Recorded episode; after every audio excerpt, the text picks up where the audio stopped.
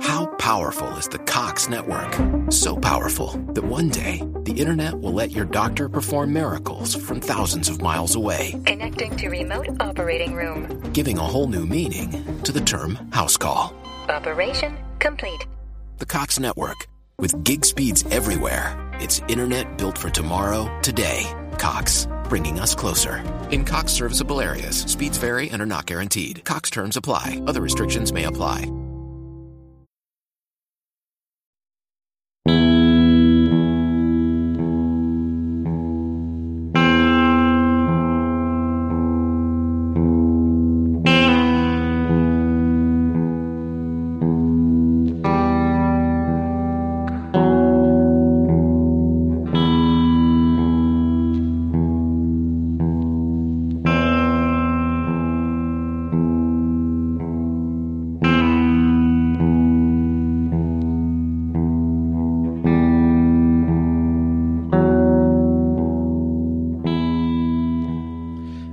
Välkommen till ännu en gruvsam vandring på gamla och nya stigar som på nytt för oss ner till självaste helvetet på kusliga underjordiska vägar.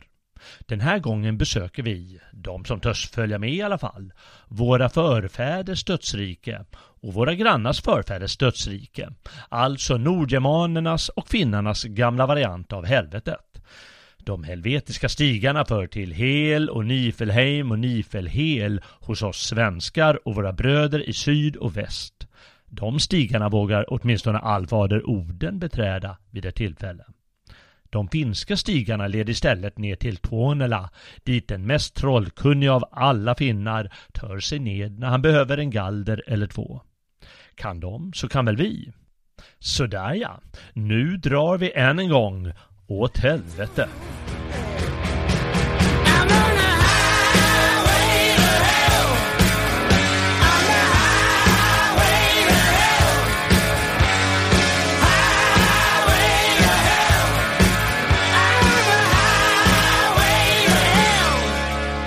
Fanns åtskilliga folk som levde norr om grekernas och romarnas riken under antiken och medeltiden. Kelter, illyrier, germaner, slaver, bulgarer, avarer, magiarer, finnar, samer med flera. Alla hade förstås sina föreställningar om de dödas rike. Här får vi nöja oss med de som står oss närmast. Oss själva. Nordgermanerna och så våra grannar finnarna förstås. Låt oss således efter vandringar bland greker och romare vända norrut till våra landamären och våra förfäders bild av livet efter. Åtminstone det vi fått bevarat i dikt. Vi börjar med oss skandinaver. De döda kunde hamna på flera ställen. I Helgafäll, det heliga fjället, huserade släktens döda. Ett bra ställe. Det är väl den vanligaste platsen för folk i allmänhet, närmare verkligheten så att säga. I mytens värld, ovan verkligheten eller i en mer glödande verklighet, där fanns det andra orter för de döda att vistas i. Krigare som dött i strid hamnade som bekant i Valhall och festade med orden och tampades med varandra inför slutstriden i Ragnarök. Einhärjare kallades de. Några hamnade också hos Freja på hennes slätt folkvång. Dog man på havet kunde man dras ned i Irans rike på havets botten. Men de flesta hamnade i Hel. Däribland de som dog av sjukdom, ålderdom, olyckor och dylikt. I den tidigare germanska hedendomen, före kontakterna med kristendomen, ja då får vi anta att alla döda hamnade i Hel. I Hel härskar gudinnan Hel. Mm. Precis som namnet Hades är namn på både dödsrike och dödsgud. Hel är Lokes dotter med getinnan Angerboda, som ju också födde honom Midgårdsormen och Fenisulven. Snorre Sturlason var förvisso kristen, men han hade mycket stor kunskap om de hedniska förhållandena hos sina förfäder och skildrade det i sin Edda, Snorres Edda som den kallas. Han beskriver Hel och hennes rike i och med att Angerbodas tre barn visas upp för allfader Oden. Midgårdsormen kastade han i det djupa havet och som Snorre sedan skriver Hel kastade han i Nifelheim och gav henne makten över nio världar för att bestämma över vistelsen för de som sändes till henne. Det är de som har dött av sjukdom eller ålder. Hon har en stor gård där stängslen är förunderligt höga och grindarna stora. Elljudne heter hennes sal, hunger hennes fat, svält hennes kniv, Gånglate trälen, gånglat trälinnan, fallfördärv tröskeln där man går in, sjukläger sängen, glänsande ord, ofärd hennes draperier.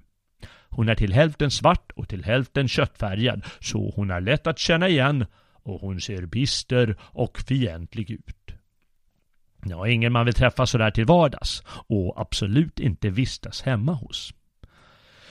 Nifelheim kallar Snorre även området längst i norr i mytens kosmogoni, allt medan Muspelheim ligger längst i söder.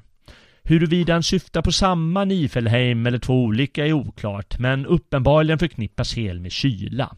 Nifelheim är isens och kylans boning, Muspelheim eldens och värmens ort. Snorre kallar dödsriket även för Hel emellanåt och ett område i Hel ger han namnet Nifelhel nere i den nionde världen. Det är ju för övrigt eh, Dantes mängd på helvetets kretsar. Utöver grindarna finns även brunnen Vergelme i Snorres Nifelheim, varur rinner en mängd floder, däribland de hemska helälvarna Slid och Göll. Vergelme ger vatten åt Yggdrasil och är således grunden för hela världen. Men där nere i världens mitt, så att säga, finns också draken Nidhugg som gnager på Yggdrasilroten som tar upp vatten från Vergelme. Snorre säger att det är värsta vid Vergelme, för där plågar Nidhugg de dödas kroppar, som det heter i en Neddavars. Och där finns så många ormar att ingen tunga kan räkna upp dem. Han berättar också om stranden Nastrand i Hel, eller Nifelheim, och citerar därvid en Edda-strof från Völvans spådom som vi snart ska höra. Men han är lite utförligare än Völvans spådom och nämner bland annat att ormhuvudarna, ormhuvudena från ormarna som bekläder salen vetter inåt i salen på Nastrand och spottar gift var i menedare och mördare vadar. Mm, ingen vidare trevlig plats som sagt. Eddan således, den poetiska Eddan att skilja från Snorres Edda, där han på sitt luriga sätt förklarar myterna. Dikterna i den poetiska Eddan är tillkomna många hundra år före Snorre, som levde på 1200-talet. Mäktigast av alla dikterna i Eddan är onekligen Völuspå, Völvans spådom, som inleder Eddan eftersom den ger en överblick över hela den nordiska mytologin. En völva är förresten en spåkvinna för den som inte visste det. I dikten Völvans spådom, spådom finns det några avsnitt om Hel. Dödsriket lyfts fram i diktens andra halva när det drar ihop sig till Ragnarök. Balder, ljusguden, har blivit död av Höders spjut genom Lokes intriger, varmed asarna tar fatt Loke och kedjar honom. Men det har dragits igång processer som inte går att stoppa. Ragnarök nalkas. Och så här fortsätter Völuspå efter fängslandet av Loke. En å ifrån öster genom Ätterdalar flyter med svärd och stridsknivar, Slidry den heter. Norrut stod på Nidaslätterna en sal av guld för Sindres ett. En annan stod på Okolner, gästabudsal för jätten Brimer. En sal såg hon stånda från solen fjärran på Nastranden åt norr dörren. Ätterdroppar föllo in genom rökhålet. Av ormars ryggar är rummet flätat. Där såg hon i strida strömmar vada menediga män och för mord fredlösa och den en annans hustru hemligt lockar. Där sög nidhugg till dödas kroppar. Vidrun, vidundret slet männen. Veten ni än mer och vad? Och så ytterligare några strofer längre fram. Gol över asarna Gullinkambe. Han hos härfader härmännen väcker. En annan gal under jorden, en sotröd hane i Hels salar. Garm skäller gräsligt framför gnipahålan. Fjättern skall brista, fri varder ulven. Visdom vet jag mycken, långt vidare ser jag över segergudars väldiga, slutliga öden. Bröder skola kämpa, varandras banemän bliva. Systrars barn sin släktskap spilla. Hårt är i världen, hordom mycken, yxtid, klingtid. Kluvna bliva sköldar, vindålder, vargålder, innan världen hjärtas, ingen man skall den andra skona. Och garmstrofen återkommer flera gånger sedan och ytterligare lite längre fram fortsätter alltså. Garm nu skäller gräsligt framför gnipahålan. Fjättern skall brista och fri blir ulven. Rym far från öster, på arm håller skölden. I jättevrede vrider världsorm, världsormen sig. Ormen piskar vågen och örnen skriar, sliter lik, blek om näbben och nagelfar lossnar. Skeppet drar från öster, över sjön skall Muspels ledung komma och Loke styr. Vidunders yngel med ulven kommer, med dem är Byleips broder i följe. Och Byleips broder, det är Loke det. Surt far från söder med svedjande låga. Stridsguda sol av svärdet skiner. Stenberg störta, det stupar jättekvinnor. Trampa dödningar, tö, trampa dödningar hels väg och himmelen rämnar. Skeppet Nagelfar är tillverkat i hel av de dödas naglar och styrs av Loke som har kommit lös. Från Hel marscherar nu samtidigt de döda mot valplatsen under Ragnarök att kämpa mot Valhalls enhärjar, liksom gudarna i Völuspå kämpar mot Mid Fenrisulven, Midgårdsormen och älgjätten Surt, som på slutet ensam står kvar som segrare i slaget, tills en ny jord häver sig upp ur djupen. Undergången utgår således delvis från Muspelheim där Surt dväljes och dels från Hel eller Nifelheim. Därifrån seglar skeppet Nagelfar ut med jätten Rym eller Loke som kapten. Därifrån marscherar de döda mot strid och där har Nidhugg äntligen gnagt av roten till världsträdet. Men asarna har försökt förhindra förloppet eller åtminstone få underrättelser om hur du kan hantera krisen. Balder har före sin död haft onda drömmar. Om det berättar Eddadikten Balders drömmar. I följande översättning kallas för övrigt völvan för en vala. Det är bara ett annat ord för samma sak.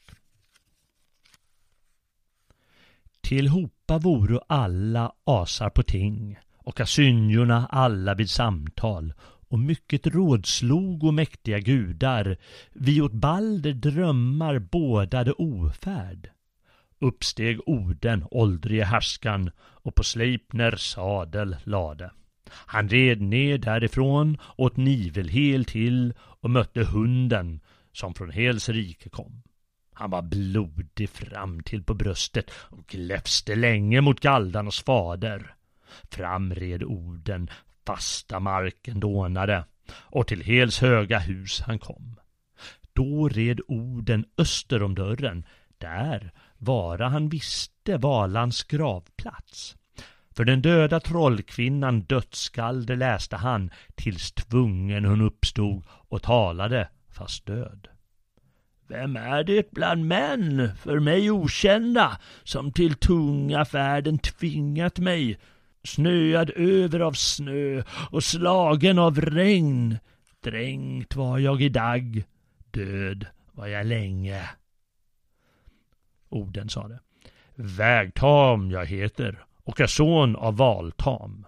Ur underjorden tala! Jag från övervärlden minns det. Åt vem är bredda på bänkarna, på bänkarna ringar och fagra långpallar belagda med guld? Valan sade. Här mjödet bryggt åt Balder står, den skira drycken ligger sköld över. Asasönerna är ivrigt väntade. Tvungen jag talade, nu ska jag tiga. Tig icke vala! Jag vill vidare fråga, tills allt jag känner, jag vill yttermera veta. Vem skall Balder till bane bliva och livet från Odens ättling röva? Höder bär hit ned höga hjälten, han skall Balder till bane bliva och livet från Odens ättling röva. Tvungen jag talade, nu ska jag tiga.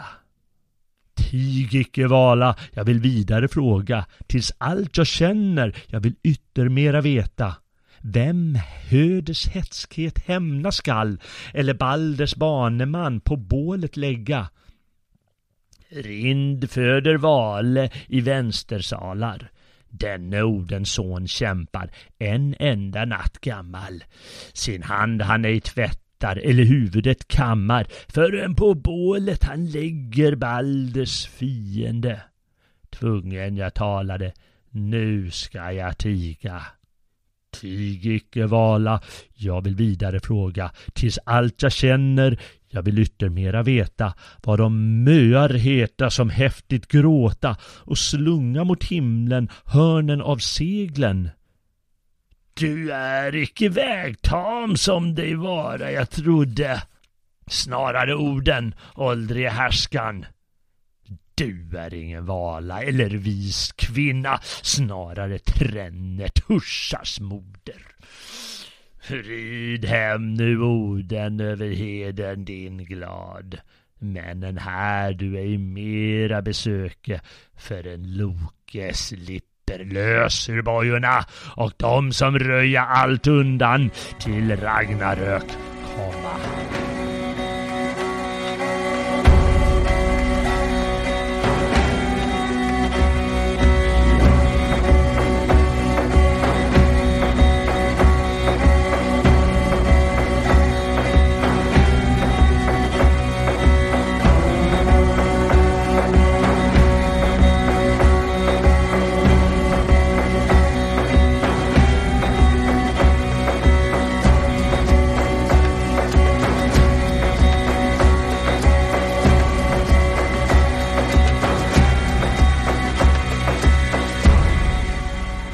Apokryfiska Edda-dikten Kvädet om vägtam berättade lite annorlunda. Det var en tysk forskare, om jag minns rätt, som kallade Edda-dikter för apokryfiska. Precis som Bibeln har en ansenlig mängd apokryfiska böcker, vilka inte tillhör normen av bibelböcker, utan som judiska och kristna teologer har lagt vid sidan av, av olika skäl. Och på samma sätt finns det då ett antal Edda-dikter som forskarna har lagt lite bredvid de kanoniska Edda-dikterna. Bland annat för att de tros vara skrivna senare än flera andra dikter eller bara är fragment av dikter. Och det finns för, för övrigt flera varianter av den poetiska Eddan med små skillnader beroende på vilken källa man använder. Eller så är det Åke Olmark som kommit på den där termen apokryfiska eddadikter. Han översatte nämligen dem på 50-talet eh, i en volym som han kallar just eh, Eddika apokryfika, den okända Eddan. Och där lyder eh, dikten Vägtam så här. Asarna gingo då alla till tings, asynjorna alla till samtal. Råd slogo de rika gudar vi Balder bragd så bistra drömmar. Tryckande tyckts honom tunga sömnen, svunnen i sömnen syns hans lycka. Jolnarna sporde med djupsint spåkonst om onda drömmen ofärd bådade. Domen blev att dödsvigd han var, allas älskling, Ulls ättman. Främst gav det frätsorg åt Frigg och Svavner och de rådandes rad. Råd må läggas. Urväsen alla ut skulle sändas att lejd skaffa Balder löften om skoning. Alla arter av eder gåvos Frigg fick de fasta löftena. Valfader väntar dock ve stunda Lyckodiserna lidna sågan. Asarna kallar till urtima ting och målstämma där mångt dryftas. Uppstod Odin då, åldrarna scout. Så han på Sleipner saden lade, ned redan mot Nifelhel till, hunden han mötte som ur hel kom. Blodig var han på bröstet fram till. Käften var mordglupsk, käken hängde. Skall gav han och skräckligt glupade mot galdens fader gläfste han länge. Fram red Odin, färdvägen dånade, helt till Hels höga hall. Odin red öster om porten, där han väl visste en völvas grav. Förleda trollkonan lik gallerkvadan mot rymden i norr såg runste, runstavar inlade. Forna formler och frågor ramsade tills tvungen hon kvad med tunga av död. Och det har vi ju hört nu i Ballerströmmar vad hon berättar. Garm har vi också stött på nu flera gånger. Och det är förstås vår nordiska variant av grekernas Kerberos i Hades. Snorre nämner honom också på ett par ställen. Han är ypperst bland hundar, säger Snorre. Och med det menar han ju kanske inte den bästa, utan den största. Och när Ragnarök kommer berättar Snorre att då har hunden Garm som är bunden vid Gnipahålan kommit lös. Han är det hemskaste odjur. Han kämpar mot Tyr och de blir varandras stöd. Den detaljen finns inte i Völuspå där bara Tor, Orden, Vidar och Frej omnämns strida med Fenisulven, Midgårdsormen och jätten Surt. I dikterna Vägtam och Balders drömmar är det orden som ger sig ner till underjorden och på vägen lyckas ta sig förbi odjuret, precis som bland annat Eneas och Orfeus gjorde enligt grekiska och romerska myter. Hos oss är orden trollkunnig istället för grekernas Orfeus som bedövar med smeksam sång istället för gallrar. Men det är väl inte så värst stor skillnad. När orden kastar sina trollgallrar, ja, då är det ju ofta i diktens form. Snorre Sturlason återger en annan variant av händelsen, dock utan garm. Kanske är det något som har skett före ordens helfärd, eller så har kanske Snorres farmor, ordet Edda påstås betyda gammelmor, berättat händelsen på annat sätt. Enligt Snorre rider Odens son Hermod till Hell för att undersöka hur Balder kan få komma tillbaka till asarna. Efter att ha underhållit kung Gylfe om Tors fiske med jätten Hymer då Tor är på os uselt humör och tänker fiska Midgårdsorm och slår ihjäl Hymer efter att denna har förstört spänningen. Då står det så här i Snorres Edda och här följer nu ett lite längre avsnitt. Då mälte Ganglere finns det några ännu märkligare tidender, det vill säga nyheter, att förtälja om asarna. Det var en märklig bragd Tor utförde på den färden.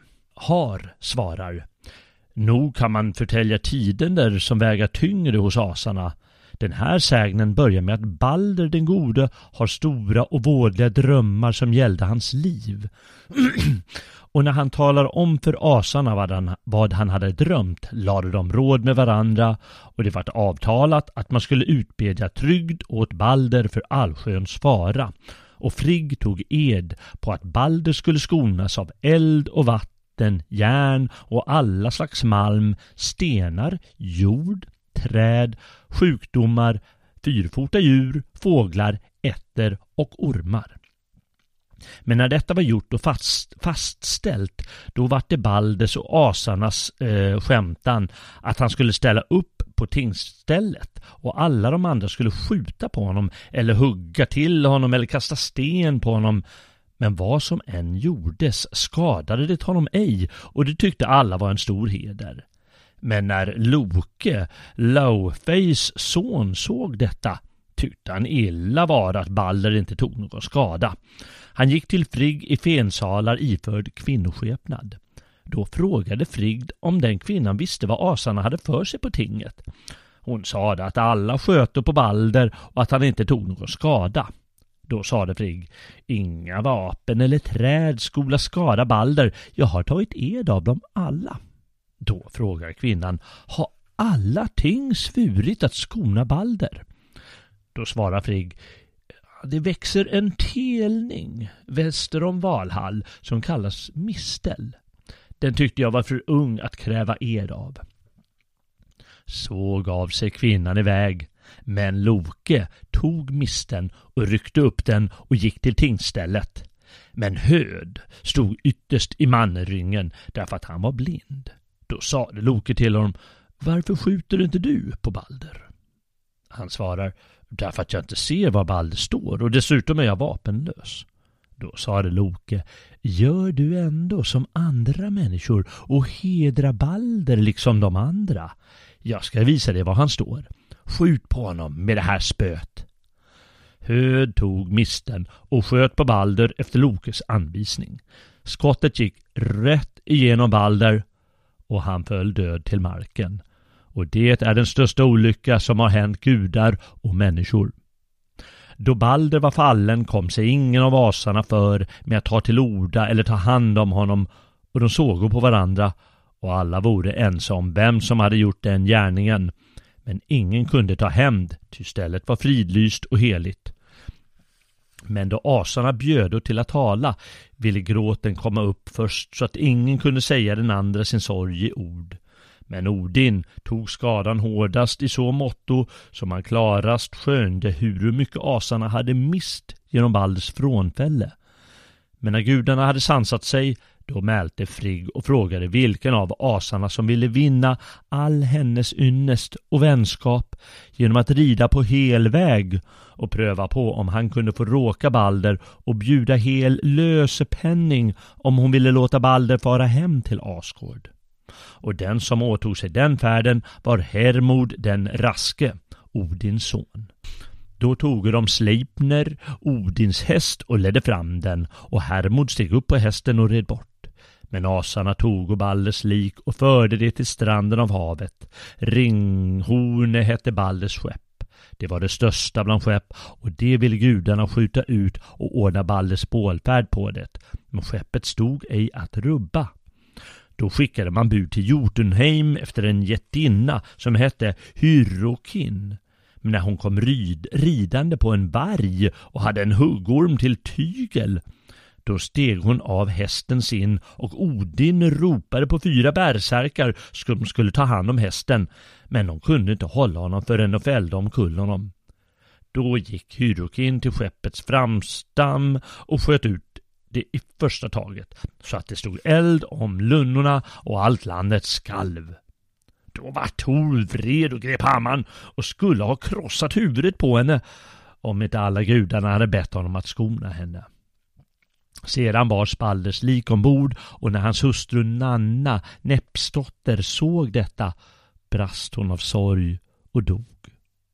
Man bar henne på bålet och tände på. Så gick Tor fram och invigde bålet med Mjölner. Men framför hans fötter sprang en dvärg som hette Lit och Tor sparkade till honom så att han hamnade i elden och brann upp. Till den likbränningen kom det många slags folk. Först är att säga om Odin att han med honom foro Frigg att med honom foro Frigg och valkyrorna och korparna hans, men Frej åkte efter en galten som heter Gollindburste, eller Slidrugtanne, och Heimdall red på hästen Guldtopp, och Freja åkte efter sina katter. Där kom också en mängd med rimtussar och bergresar. Odin lade på bålet den guldringen som hette Draupne. Den hade den naturen att den var att var nionde natt dröpo av den åtta lika tunga gullringar. Mm. Palles häst leddes till bålet, sadlad och betslad. Men om Hermod är att säga att han red i nio dygn genom mörka djupa dalar och han såg ingenting förrän han kom till ån Göll och red över Jallarbron. Den är täckt med glänsande guld Modgun kallas den mön som vaktar bron. Hon frågade honom om hans namn och ett och sade att dagen förut hade fem flockar av döda män ridit över bron. Men inte dånar bron mindre under dig ensam och du har inte dödmans färg. Varför rider du på helväg? Han svarade, jag rider till hel för att söka upp Balder. Har du sett till Balder på helväg? Hon sade att Balder hade ridit där över Jallabron. Vägen till Hel går neråt och nordvart. Då red Hermod tills han kom till Hels grindar. Då steg han av hästen och drog åt sadeljorden, steg upp på hästen och nio och drev sporrarna i honom. Och hästen tog ett så kraftigt språng över grinden att han inte ens kom nära den. Sedan red Hermod fram till boningshuset och steg av hästen och där såg han sin broder Balder sitta på högsätesbänk. Hermod blev kvar där över natten. Men på morgonen bad han Hel att Balder skulle eh, få rida hem med honom. Och han förtalte hur, hur mycket gråt det var hos asarna. Men Hel sade att då skulle det prövas om Balder var så avhållen som det hade sagts och om allting i världen, både levande och dött, gråter över honom, då må han fara tillbaka till asarna. Men han blir kvar hos Hel om någon säger emot och inte vill gråta. Då steg Hermod upp och Balder ledsagade honom ut ur hallen och han tog ringen till Raupne och skickade den till Odin som minnesgåva. Och Nanna skickade till Frigg en duk och flera andra gåvor och till Fulla en gyllene fingerring. Sedan red Hermod samma väg tillbaka och kom till Asgård och förtalte alla tider som han hade sett och hört. Och så sände asarna ut bud över, hela, över all världen för att bedja om att Balder måtte bli gråten ur hel. Och det gjorde alla människor och djur och jorden och stenarna och all malm. Och du har nog sett att dessa ting gråta när de kommer ur frosten i hetta. När de hade uträttat sitt ärende väl och vore på hemväg kommer du till en grotta där det satt en getinna och hon kallade sig Töck. De båda henne att gråta Balder ur hel, men hon sade med torra tårar må Töck gråta när Balder bärs på bål. Vad gott gav mig Karls son, kvick eller död. Må Hel ha kvar det hon har. Man gissar att Tetör har varit Loke, Laufeys son. Han som gjort asarna mer ont än någon annan.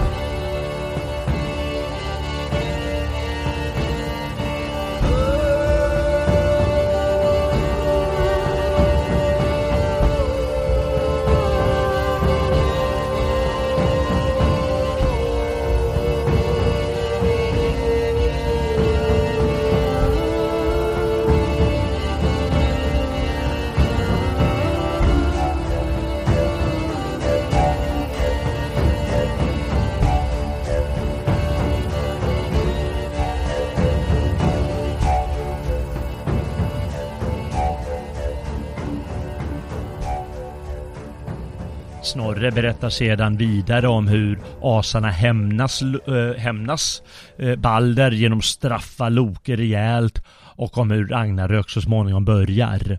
Men då är vi utanför Hels domäner och det ska vi fortsätta spinna lite på nu. Berättelsen om Hermod har likheter med Orfeus öde när han förgäves vill hämta hem Evrydike från Hades. Precis som Balder nekas hon till slut att få återvända.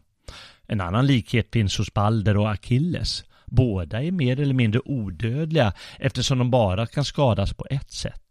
Achilles på sin häl som aldrig doppades i underjorden, underjordsfloden Styx och Balder genom misten som aldrig riktigt tillfrågades av Frigga. Achilles blir ju för övrigt också uppsökt av en levande, av Odysseus i Hades. Tillbaka till Snorre Sturlason. Enligt några forskare går Snorre här tillbaka på en försvunnen dikt. Den skulle man gärna ha. Kanske får våra barn eller barnbarn läsa den efter att forskare har funnit den någonstans. Men än så länge får vi vara nöjda med Snorres berättelse. Och det är ju inte kattskit. Nifelhel är svårt att få grepp om. Det betyder det dimmiga hel. Snorre menar att det är en ort nere i den nionde världen av dödsriket, djupast ned alltså, som vi har sagt tidigare. När Tor slår ihjäl en jätte i ett avsnitt i Snorres Edda hamnar jätten i just Nifelhel. Hamnar jättarna djupast nere i Hel när de dör, ungefär som titanerna har kastats ner i Tartarus, Hades djupaste delar, eller Satana längst ner i det kristna helvetet hos bland annat Ante. Någonstans där nere finns också källan Vergelme och draken Nidhugg. Zeus be, besegrar under kriget mot titanerna även draken Tyfon som också vräks ned i Tartarus. Allt det här eh, finns i eh, det första helvetesprogrammet här på gamla nya stigar. Det finns således många likheter Oden drar i och för sig till Nifelhel i Balders drömmar och där rider han bara öster om dörren där völvans grav ligger. Men ingen Edda-dikt är känd för sin utför, sina utförliga beskrivningar eh, på, så, eh, på det sättet som till exempel eh, Odysseen eller eh, Eniden har ganska ingående beskrivningar. Det ligger inte i de nordiska skaldernas intresse eller i dess världsmått eh, att beskriva saker ingående. Eh, man får några få detaljer och får måla dit resten själv. I Edda-dikten Vafftrudnesmål nämns eh, Nifelhel i en strof. Där antyds, antyds det att de döda kommer dit. Men man kan också förstå det i den dikten att Nifelhel syftar på hel i allmänhet, det dimmiga hel. Eller kanske syftar den på vissa döda. Man får som sagt ofta skapa utfyllnad till texten själv. Hel, Nifelhel och Nifelheim i betydelsen dödsriket nämns kort på ytterligare några ställen i de isländska texterna. En hjältedikt i Eddan heter till exempel Brynhilds färd till Hel och berättar om hur hon på väg till Hel samtalar, samtalar med en jättinna. Men Hel beskrivs inte där. Däremot berättar Snorre kort mot slutet av Gylfaginning delen i hans Edda som lägger fram hans förfäders tro om dödsrikena efter Ragnarök.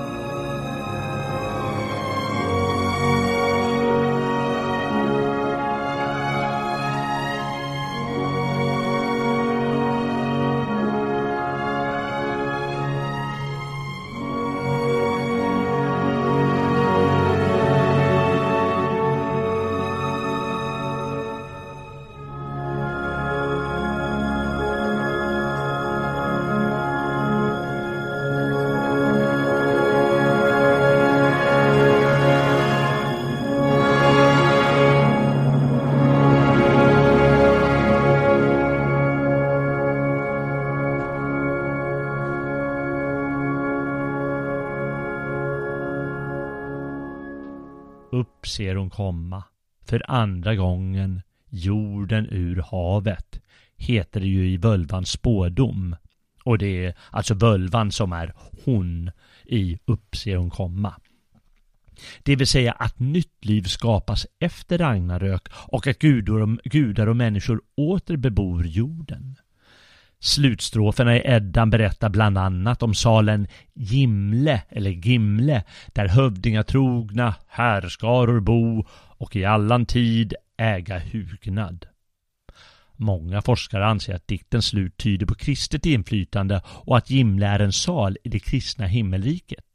Snorre tycks gå åt det hållet. Han berättar att efter Ragnarök kommer goda och hederliga människor att leva i salarna Gimle eller Brime i himlen alternativt i salen Sindre i Nidafjäll. De onda kommer däremot, som vi väl vet, att hamna på Nastranden i Hel. Och djupast där nere, vid Värgelme, är det som sagt värst, där nidhugg plågar de döda. I den mån Snorre, och Völuspå för den delen, lägger in ett kristet perspektiv görs det utifrån hedniska föreställningar. Förresten, Baller, som ju kommer tillbaka efter Ragnarök, hamnade som vi hörde i hel efter sin död. Även gudar hamnar således i hel efter sin död, verkar det som. Men Balder är ju den godaste bland gudar. Alltså, inte bara skurkar vistas där nere i himlen. Nu vet vi det.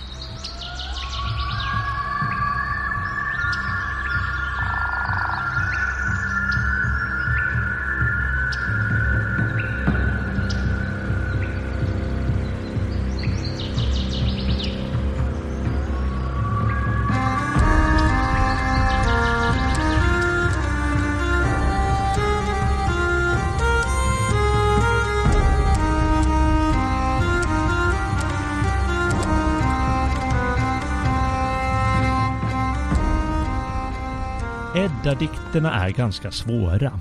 I alla fall om man söker en helhetsbild. Man måste läsa en strof här, en strof där och så vidare och dessutom läsa in mycket mellan raderna och stroferna för att få den här lite större bilden. Snorres Edda är förstås till stor hjälp, ja, eh, rent av ovärderlig. Men han är medvetet lurig och gåtfull, helt i enlighet med den fornnordiska poesin som ofta består av gåtor, kluriga samtal samt underliga frågor och svar. Snorre träffar i sin Edda det norröna lynnet på bästa sätt. Det är därför ganska svårt att få en klar bild av hel och dödsriket i allmänhet. Om vi besöker vårt kära grannfolk i öster berättar de mer rakt på sak när det kommer till underjorden. Även om direkta beskrivningar av dödsriket lyser med sin frånvaro även där. Och även här måste vår fantasi alltså komma, äh, hjälpa till på traven. Finnarnas, eller karelernas om man så vill, stora saga heter Kalevala.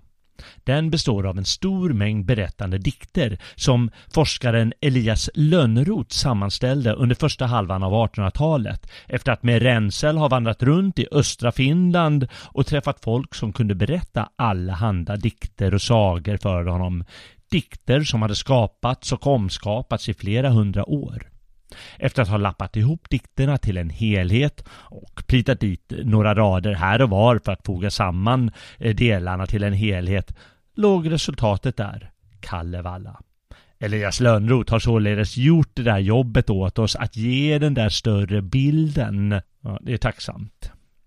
Kalevala betyder för övrigt Kalevas land och Kaleva är finnarnas uråldriga stamhero.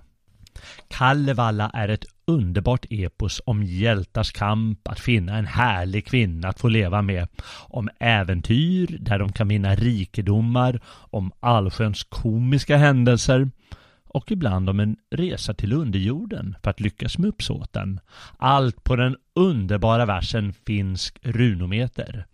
Det är en ytterst frodig berättelse, eller snarare en mängd frodiga berättelser med, med som sagt stor humor, smått knasiga intriger och mycket, mycket trolldom.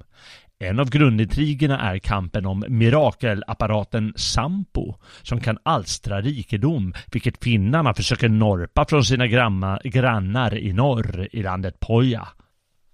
Huvudperson är Väinämöinen, den mest trollkunniga av alla på jorden. Ja. Kalevala är en av mina främsta favoriter bland världens alla litterära alster. Det är en underbar glädje att läsa dess berättelser. I två av de 50 sångerna vågar sig hjältarna ned i dödsriket. Dödsriket i den finska mytologin heter Tuonela. Det kallas också Mana. Där härskar gudarna Toni och Tonetar. Dödsriket är likt det grekiska Hades på så sätt att alla kommer dit, oavsett god eller ond eller dydigt, och vandrar mest omkring som skuggor.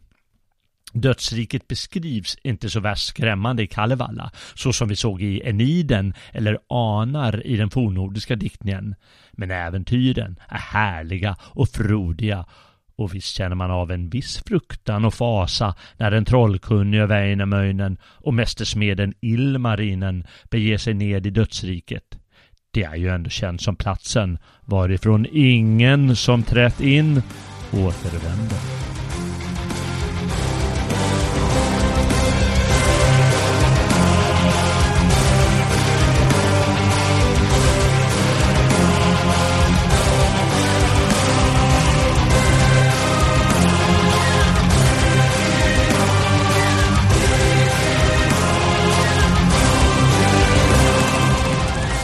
I sång 19 vill Ilmarinen, en av hjältarna i Kalevala, vinna en pojaflicka.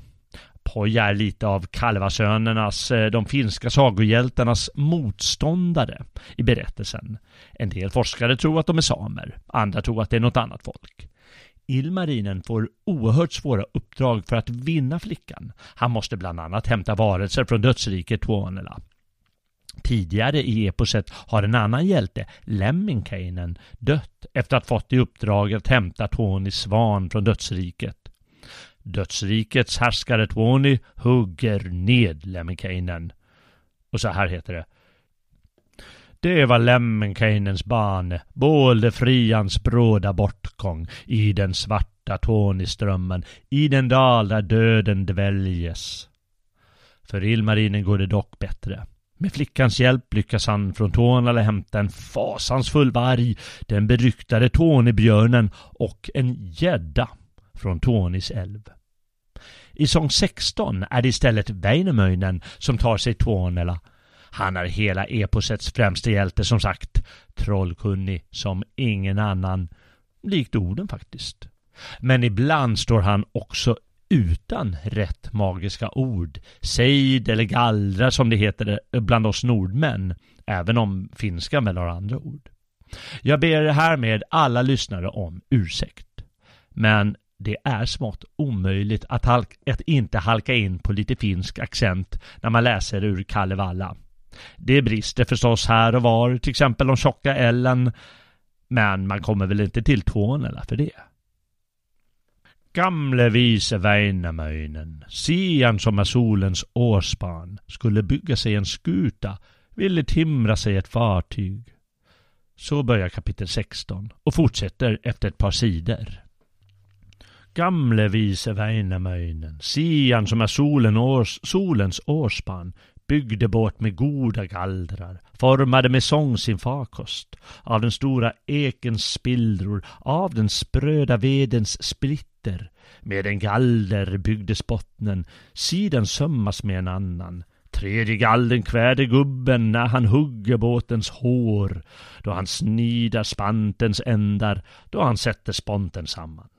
När han basat båtens vränger, fogat samman bordens sömmar, saknade han tränne sejdord till att fästa skutans sydkant, till att resa förstävsrammen, till att stadga båtens bakstam.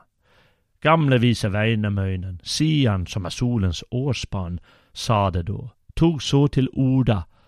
Ack, jag stackars arma åldring, kan ej få mitt skepp av stapeln, nya båten ut på böljan. Gubben grubblar nu och grundar vad han månde söka sejdord. Leta efter goda gallrar.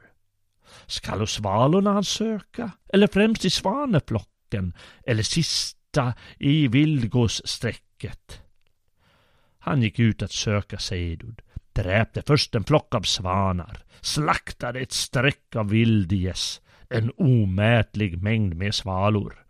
Men han fann i fyllnadsorden intet av de ord han sökte. Gubben gubb, grubblar nu och grunnar. Äh, det finns säkert hundra sejdord bakom vildren tjurens käkben under furufnattens tunga.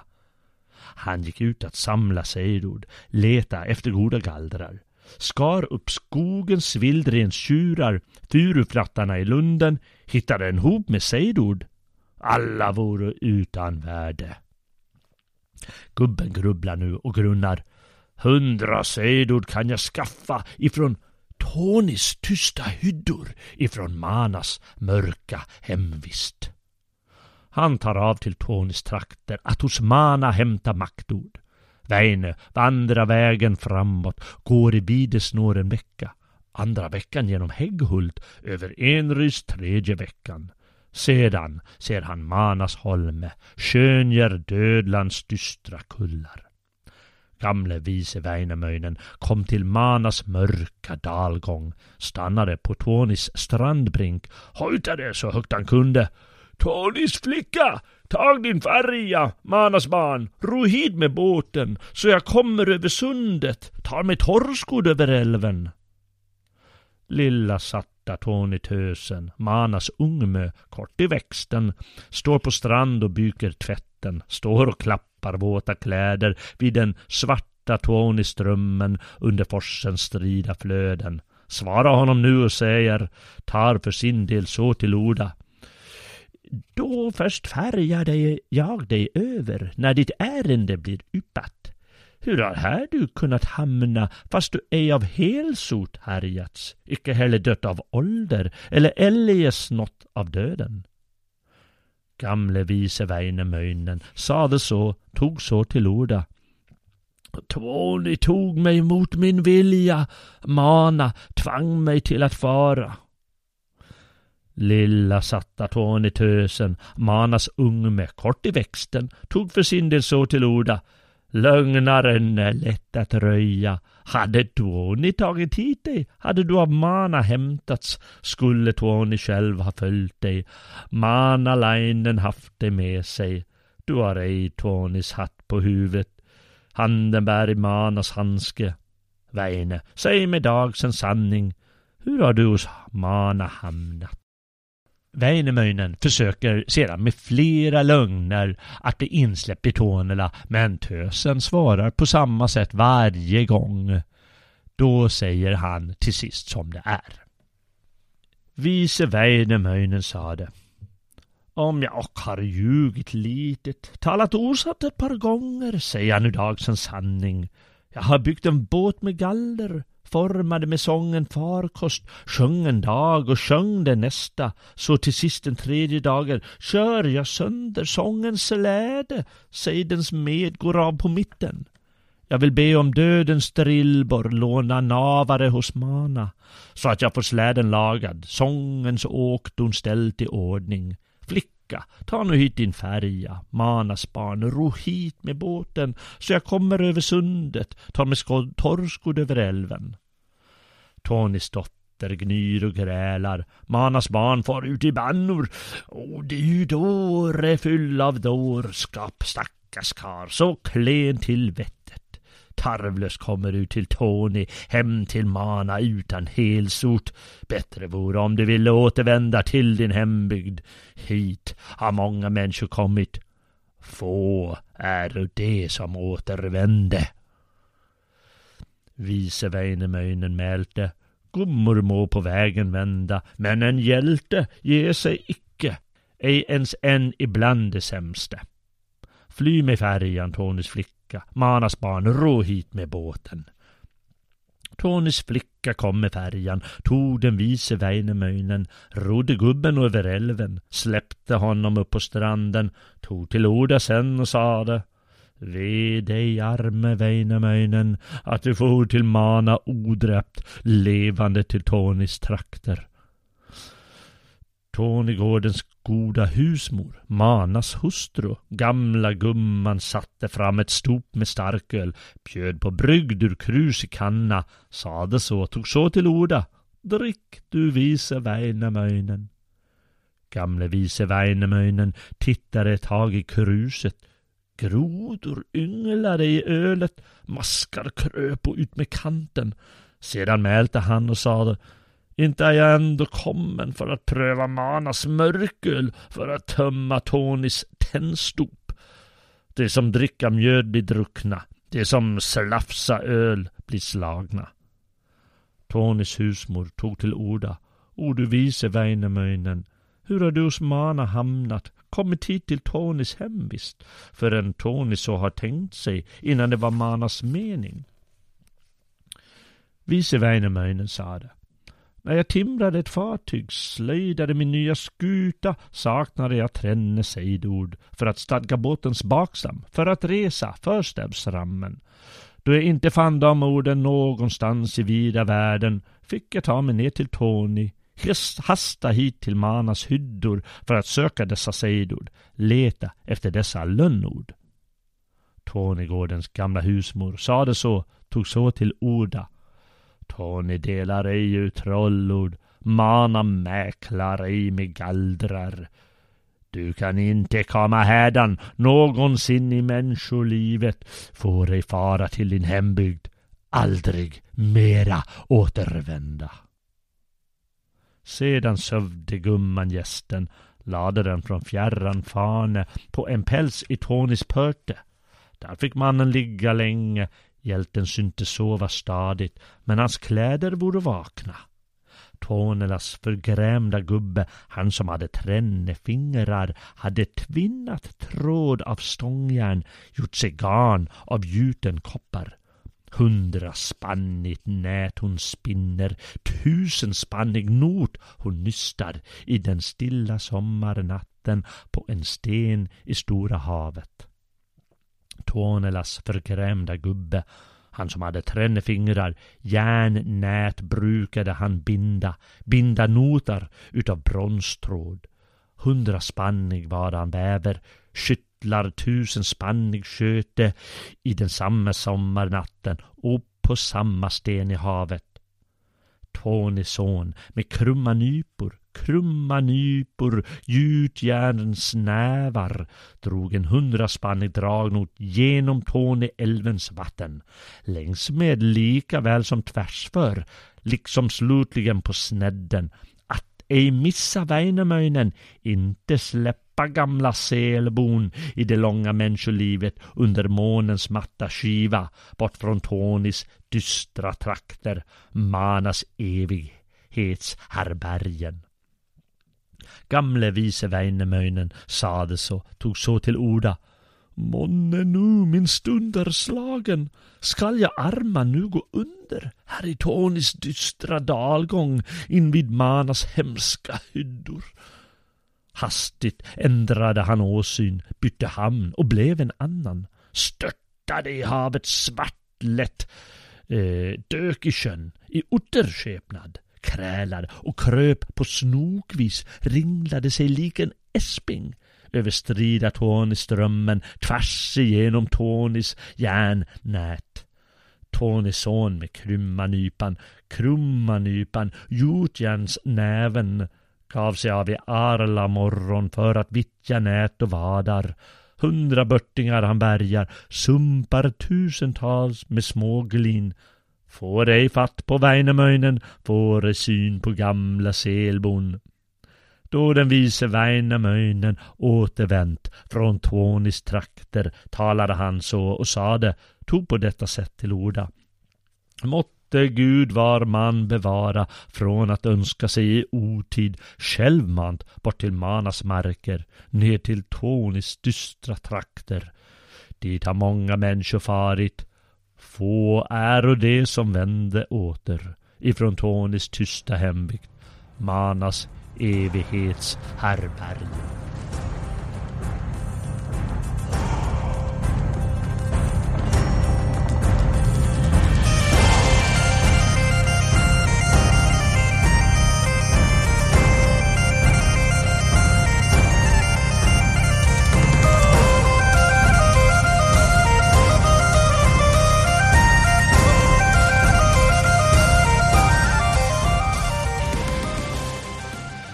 Hoppas att ni överlevde min högläsning och inte hamnade nere i Manas värld vid Toneras dystra stränder. Liksom i Hades och Hel finns det här en älv att korsa för att komma in i dödsriket och som i Hades finns här en färgkar, förlåt en färgtös.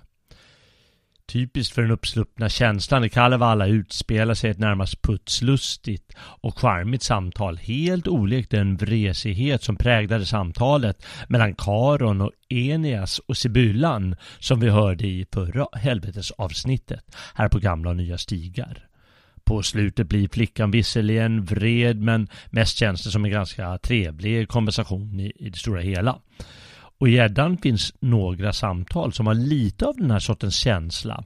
Kvädet om Hagbard i den poetiska äden utspelar sig rent av mellan Tor och en färgkar. Och färgkaren skojar rätt friskt med Tor som bara snabbt vill färgas över.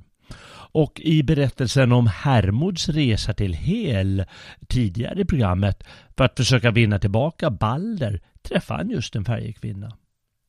Trolldomens betydelse är en annan stark beröringspunkt mellan Eddans och Kallevallas världar. Trots att våra språk är väsensskilda finns det många likheter mellan de finska och de nordgermanska berättelserna. De två kulturområdena har säkert påverkat varandra mycket.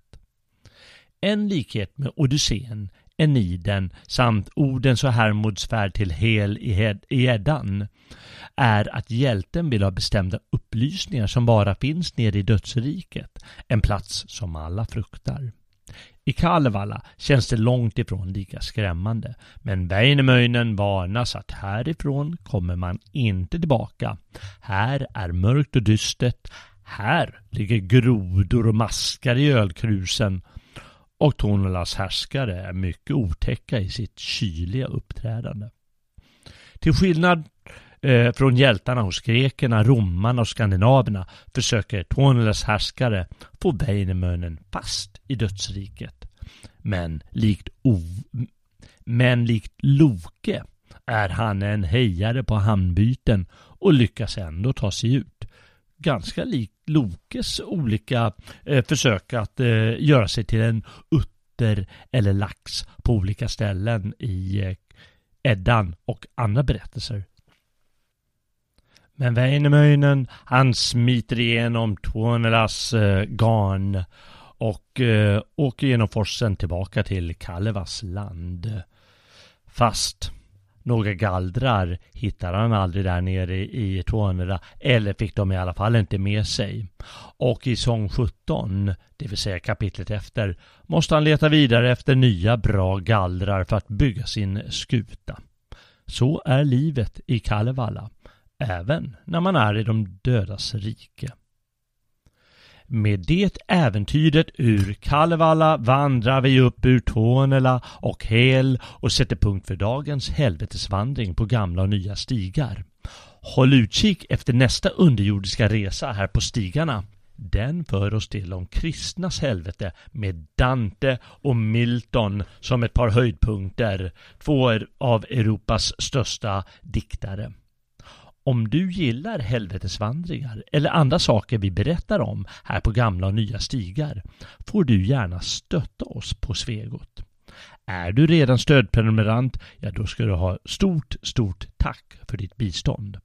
Om du inte redan är det, då får du gärna teckna en stödprenumeration eller ge en donation till Svegot så att vi kan fortsätta skapa sådana här program om europeisk kultur eller politik då som mina medarbetare skapar.